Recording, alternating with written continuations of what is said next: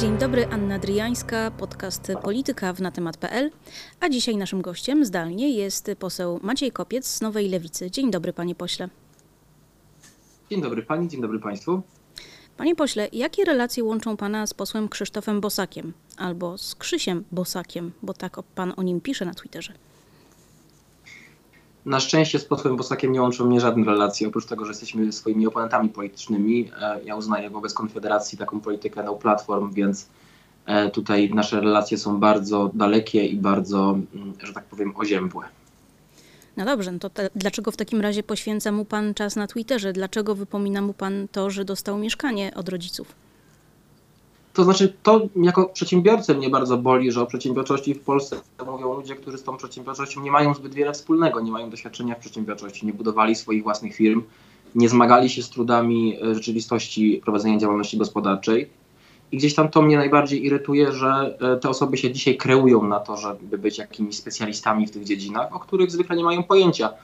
To nie tak, że ja mam pretensje czy jakiś problem do pana Bosaka, że otrzymał swoje mieszkania, natomiast pokazuje tym tweetem, jaka jest innowacyjność gospodarcza Konfederacji, jaka jest innowacyjność przedsiębiorczości Konfederacji. Jeżeli ktoś mówi o tym, że nie powinno być usług publicznych, a całe życie pobiera wynagrodzenie z, e, od instytucji, instytucji publicznych, a swój majątek buduje na darowiznach, na spadkach, no to gdzieś tutaj e, w mojej ocenie traci ten mandat do tego, żeby mówić o trudach przedsiębiorczości w Polsce. A pan jako przedsiębiorca tych trudów doświadczył? Teraz jest pan posłem, więc tak. chyba nie, jakby nie, nie, nie poszło panu w biznesie. Czy się mylę? To nie tak, to nie tak. Ja, żeby pójść do polityki, zawieszałem swoją działalność, która działała bardzo dobrze. E, polityka to była moja działalność społeczna od 2009-2010 roku. 9 dokładnie, bo wtedy powstał Twój ruch. E, robiłem tą politykę nie łożąc na to pieniądze, które zarabiałem w biznesie, więc to są kompletnie dwie różne drogi. E, firmę za, zamknąłem, zawiesiłem w 2019 roku z taką dosyć dużą stratą dla swoich finansów. Także nie jest to wina tego, że mi nie poszło, a tego, że chciałem po prostu, żeby w kraju, w Polsce było lepiej. Poszedłem do polityki z ideałami, e, widząc wiele kwestii, które trzeba w kraju zmienić. I tutaj e, szybko zmierzamy do, do tego, że w swoim CV ma Pan kierowanie, szefowanie biuru nieruchomości, a Lewica teraz bardzo silnie lansuje hasło mieszkanie prawem a nie towarem. Co to znaczy? Czy wy chcecie za darmo rozdawać mieszkania? Jeżeli tak, to kto za to zapłaci? Bo to jest pytanie, które się pojawia. Ryszard Petru na przykład pyta, ale nie tylko. Kto za to zapłaci? Wie Pani, to jest dobre, dobre porównanie, dobry przykład, ponieważ ja firmę przenosiłem w pewnym momencie jej działalności. Zaczynałem poniekąd od nowa w nowym mieście. Mając dwadzieścia kilka lat, y, wynająłem mieszkanie, które kosztowało mnie bardzo dużo pieniędzy. Byłem wtedy singlem E, pracowałem po 15-16 godzin dziennie, żeby utrzymać to mieszkanie, które kosztowało wówczas 3000 zł miesięcznie. E, to była znaczna część moich przychodów na początku tego przeniesienia się do nowego miasta z działalnością gospodarczą. E, nie był to penthouse, było to mieszkanie takiej trudnej dzielnicy miasta, było to mieszkanie 45-metrowe i doskonale wiem, jak to jest pracować na to, żeby utrzymać własne mieszkanie. Jeżeli chodzi o to, co postulujemy, to postulujemy rzeczy oczywiste, ponieważ filarem w polityce państwa powinny być trzy kwestie: edukacja, polityka mieszkaniowa oraz ochrona zdrowia. I te trzy kwestie są bardzo zaniedbane, dlatego postulujemy, żeby rząd zaczął się w końcu wywiązywać z tego zobowiązania społecznego, które zachodzi między rządem a e, obywatelami w momencie, gdy obywatele płacą podatki. Nie może być tak, że od rządu silniejsze, silniejsze są banki, albo te banki determinują być albo nie być dla polskich rodzin, dla młodych ludzi, którzy wkraczają na rynek pracy, bądź dla ludzi, którzy po prostu chcą zdobyć lepsze y, wykształcenie w innym mieście, przenoszą się z miasta do miasta. Mm, te bariery dzisiaj istnieją. E, polityka mieszkaniowa PiSu jest mm, kompletnie niewystarczająca i kompletnie praktycznie nie ma. Kto za to zapłaci? No wie pani, y, mówiąc o filarach usług publicznych, mówimy o tym, żeby państwo się zajęło przyszłością i inwestycją w gospodarkę. Budowanie patriotyzmu w oparciu o mieszkania, bo to tak właśnie buduje się ten logiczny patriotyzm, nie ten głupi z marszu, gdzie się rzuca cegłami i się krzyczy jakieś bogobojne hasła, tylko patriotyzm budzi, właśnie rodzi się w momencie, w którym obywatel jest związany z państwem, wiąże swoją przyszłość z państwem i chce ją wiązać w tym państwie. W tym momencie, wkraczając na rynek pracy, dostaje tylko trudności, nie ma zdolności kredytowej, nie można y, się rozwijać przez to, że nie ma się gdzie mieszkać. Młode rodziny też chciałyby często y, pójść na swoje, mieć dzieci. E, widzieć swoją przyszłość w ramach swojego mieszkania, nie mogą tego robić, często są zmuszone do mieszkania z rodzicami, co również generuje wiele problemów, wiele zaszłości z dzieciństwa, jak wiemy. Czasami, często mm, to wpływa na to, że nie chcemy tych rodzin zakładać w domach naszych rodziców. Nie mamy takiej możliwości, żeby wyfrunąć gniazda rodzinnego. E, kto zapłaci? No jeżeli mówimy o tych filarach, to jeżeli patrzę później na inwestycje, które są realizowane w Polsce mm, na bazie propagandy. Centralny port komunikacyjny w samym swoim aspekcie lotniskowym, nie mówię o transporcie, to około 20 miliardów złotych. E, media narodowe w Polsce, które sączą propagandę, to około 20 miliardów złotych. E, Fundusz Kościelny, różne inne fundusze, to są kolejne miliardy. Tymczasem nasz postulat pierwszy 300 tysięcy mieszkań, wybudowanych mieszkań na, do wynajmu, oczywiście nie za darmo, do wynajmu dla ludzi, którzy wiążą swoją przyszłość z Polską, to około 20 miliardów. Więc mówimy Państwu jeszcze jedną rzecz. Najpierw obywatele, najpierw godne usługi publiczne, najpierw myślenie o przyszłości, a dopiero później jakieś inwestycje w megalomanie, czy dopiero później inwestycje w propagandę, ponieważ jak się kończą te inwestycje w propagandę, no widzimy też między innymi drożyzną, inflacją i tym, co się dzieje w tym momencie w gospodarce. A jak pan ocenia, no bo szefował pan w firmie budowlanej, biuru nieruchomości. Jak, jak doszliśmy do tego momentu, który jest teraz? To znaczy, że ludzi, pracujących ludzi nie stać na, albo ledwo stać na wynajem mieszkania, że tych mieszkań jest e, za mało, że błyskawicznie znikają, że to jest cały czas jakiś deficyt. Jak to się, jak to się wydarzyło? No przede wszystkim nie ma polityki mieszkaniowej. E, państwo postanowiło scedować cały obowiązek zapewnienia mieszkań obywatelom na firmy prywatne, na deweloperów, którzy są zależni od wolnego rynku, ale też którzy zarabiają, którzy, których marże często po prostu muszą zostać zachowane i przez to te ceny mieszkań są podnoszone. Ponadto no, sytuacja, w której rząd nie dba o gospodarkę w sposób realny, nie inwestujemy, powoduje, że mamy inflację, powoduje, że ceny rosną, także ceny wynajmu mieszkań, także ceny życia i to w pewnym momencie ta cała bańka, jak ona pęka, to doprowadza do tego, że ludzie nie mają pieniędzy na to, żeby przeżyć y, miesiąc y, za pieniądze, które zarabiają. Mhm. No dobrze. I teraz rusza taki rządowy program, patronuje mu minister Waldemar Buda, e, mieszkanie bez wkładu własnego. Może to jest odpowiedź? Odpowiedzią jest y, realne przyjrzenie się temu problemowi i tak jak mówię, te postulaty nasze, które postulujemy jako lewica, to 300 tysięcy mieszkań w latach 2025-2030. E, agencja rządowa, która będzie monitorowała potrzeby i będzie koordynowała cały ten program. Ulga remontowa dla właścicieli mieszkań, którzy podnoszą standard i utrzymują swoje mieszkania w godnym standardzie mm, e, użytkowania zamrożone raty kredytów hipotecznych, ponieważ tu wracając do tych tematów poprzednich, jeszcze te podnoszone stopy procentowe oczywiście też wywołują e, to, że te raty dzisiaj rosną e, niesamowicie szybko i tak bardzo szokowo.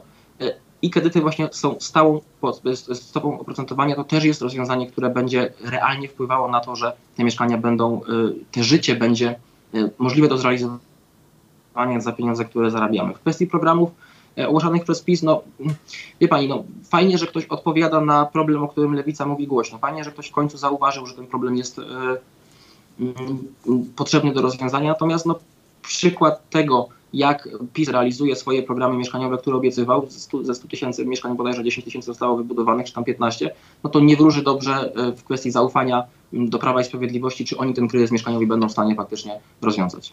A teraz mam dla Pana zagadkę. Mieszkanie dla młodych ludzi powinno być standardem i nie może być przywilejem bogaczy. Kto to powiedział? Oj, nie wiem. Donald Tusk. To był początek maja, to były hmm. słowa Donalda Tuska. No i to był taki mój wstęp, żeby zapytać pana, czy Lewica i Koalicja Obywatelska mogą się tutaj w kwestii mieszkań, mieszkania prawem, a nie towarem, czy jakkolwiek to nazwiecie, dogadać. Słyszałem także zapowiedzi premiera Tuska mówiące o świeckim państwie. To dobrze, że y, Koalicja Obywatelska, premier Tusk dostrzega w końcu postulaty lewicowe, które są realne, które są y, bardzo palące społecznie, które trzeba rozwiązywać. Dobrze, że mówi tą narracją lewicową. Dobrze, że dostrzegł, że ludzie potrzebują w Polsce narracji lewicowej i lewicowych przede wszystkim konkretnych rozwiązań. Cieszy nas to bardzo, natomiast to udowadnia dopiero takie późne ocknięcie się w kwestii, no rządził, jednak premier Tusk rządził E, Polską. Jednak te problemy, które dzisiaj występują, mogły być rozwiązywane już wtedy. Wtedy ta polityka mogła być bardziej przyszłościowa.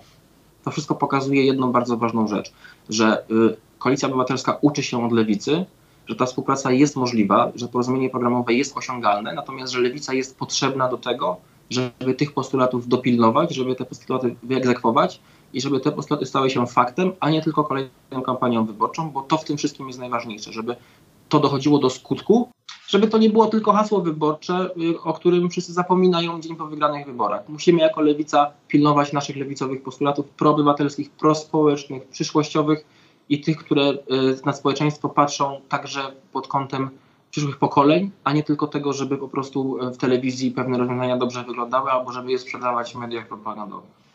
No dobrze, tylko mówi Pan cały czas, że odpowiadacie na takie żywotne potrzeby społeczeństwa, bardzo palące problemy, a patrzymy w sondaże i cały czas lewica ma około 8-9%. Jak to się dzieje? Wie Pani, ten trend lewicy rośnie, jest rosnący. Te wyniki w sondażach są coraz to lepsze. E, widzimy, że na przykład w kwestii polityki mieszkaniowej też ta narracja jest dobrze odbierana społecznie, że w pewnych kwestiach przejmujemy tą narrację i mówimy o konkretach. Mamy na to wszystko konkretne rozwiązania oparte na y, wiedzy eksperckiej, na obliczeniach, oparte na przykładach z Austrii, ze Szwecji. E, myślę, że do świadomości społecznej ten program będzie trafiał coraz bardziej, także przez to, że te skutki rządów y, Prawa i Sprawiedliwości są coraz to bardziej widoczne. W kryzysie gospodarczym, w tej galopującej inflacji, w drożyźnie, która panuje już wszędzie, która będzie nam coraz bardziej doskwierała, po prostu rządy Prawa i Sprawiedliwości nie zdają egzaminu. Rządy Prawa i Sprawiedliwości nie są e, odpowiedzią na to, czego chcą mieszkańcy Polski.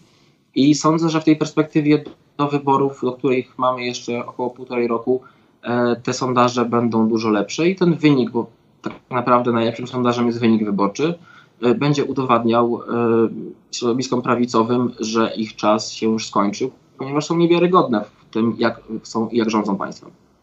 A jak pan widzi e, kształt list wyborczych? Jeden blok opozycji, dwa bloki, każdy oddzielnie? Wie pani, szczerze mówiąc, nie skupiam się w tym momencie na tym, skupiam się na pracy, skupiamy się na współpracy na opozycji, skupiamy się na dobrych rozwiązaniach, na prezentowaniu tych dobrych rozwiązań, na kolejnych konwencjach programowych, na których o nich mówimy, na wizytach w powiatach, na pracy z ludźmi, na rozmowach z ludźmi. Skupiamy się na ciężkiej robocie, żeby po prostu y, przekonać ludzi do naszych rozwiązań i pokazać, jak te rozwiązania, które są dzisiaj wdrażane, są nieskuteczne. Także nie chciałbym mówić o, o kształtach list, bo to dzisiaj tak naprawdę nie jest największy problem mieszkańców Polski. To nie jest dzisiaj kwestia, która e, jest jakoś szczególnie ważna dla mieszkańców Polski. To jest kwestia tego, jak się e, ułoży polityka w przyszłym roku i wtedy będziemy mogli mówić o jakichś rozwiązaniach, które będą E, wiarygodne. W tym momencie to jest tylko określenie patykiem po wodzie rozwiązań, które nie są w ogóle dla mieszkańców Polski istotne. Co jest największym wyzwaniem dla polskiej opozycji? Nie mówię tylko o lewicy, tylko ogólnie. Wyzwaniem jest to, żeby uniknąć sytuacji, w której opozycja walczy wewnątrz, wewnątrz y, siebie. Uniknąć tych konfliktów, które nas niepotrzebnie dzielą, szukać tych porozumień programowych, które nas łączą, ponieważ no, ja zawsze powtarzałem, że jeżeli się, mamy wspólną wizję, a tą wizją jest lepsze państwo, y, państwo post-PiS, państwo, które odsuwa rząd PiSu, autorytarne rządy PiSu, niesprawiedliwe rządy PiSu y, odsuwa na bok, y, że chcemy lepszej Polski. Tylko mamy różne wizje do te, tego, jak do tej lepszości dojść. I to nas łączy. Możemy rozmawiać o kwestiach programowych, możemy ten program ze sobą w jakiś sposób komunikować, korelować, natomiast chcemy lepszej Polski i to nas łączy. E, I to jest ta trudność, żeby przejść przez te wszystkie podziały polityczne, te wszystkie, przez te wszystkie niesnaski, przez te wszystkie niepotrzebne konflikty, do tego, żeby stworzyć e, blok, już nawet nie, nie chodzi o blok na wspólnych listach, ale stworzyć blok ludzi chcących lepszej Polski, który owszem, spiera się na argumenty, spiera się programowo, ale idzie w jednym kierunku i to uważam jest w tym momencie najbardziej potrzebne rozwiązanie polskiej opozycji. 4 miliardy euro mają popłynąć w tym roku do Polski e, z, e, z, Unii Europejskiej według e, pana ministra Budy w ramach KPO, Krajowego Planu Odbudowy. Czy pan w to wierzy? No, to nie jest takie proste, ponieważ tutaj ten mechanizm jeszcze jest w trakcie realizacji wypłacania pieniędzy z Europejskiego Funduszu Odbudowy na zrealizowanie Krajowego Planu Odbudowy. To po akceptacji przez komisarzy potrzebna jeszcze jest pozytywna decyzja Rady Europy. E, potrzebne są, jest wynegocjowanie rozwiązań, jak to będziemy wdrażać, kto będzie za to odpowiedzialny, jak nas z tego będzie Komisja Europejska rozliczała. E, więc no, tutaj jest ciężka robota do wykonania przed administracją PiSu.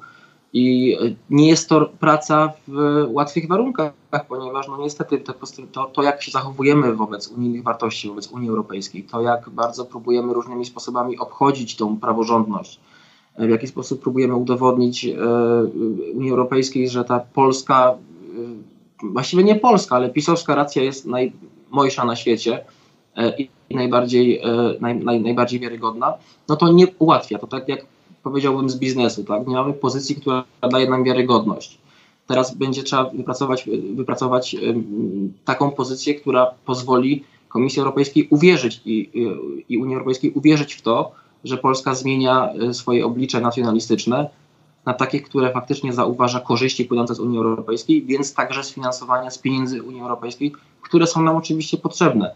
No, ciężka droga przed Prawem i Sprawiedliwością, przed, e, przed, przed przedstawicielami Prawa i Sprawiedliwości. Tym bardziej, że tutaj zerkam do mm, takiego sondażu Policy Institute King's College w Londynie, wspieranego przez Polską Akademię Nauk.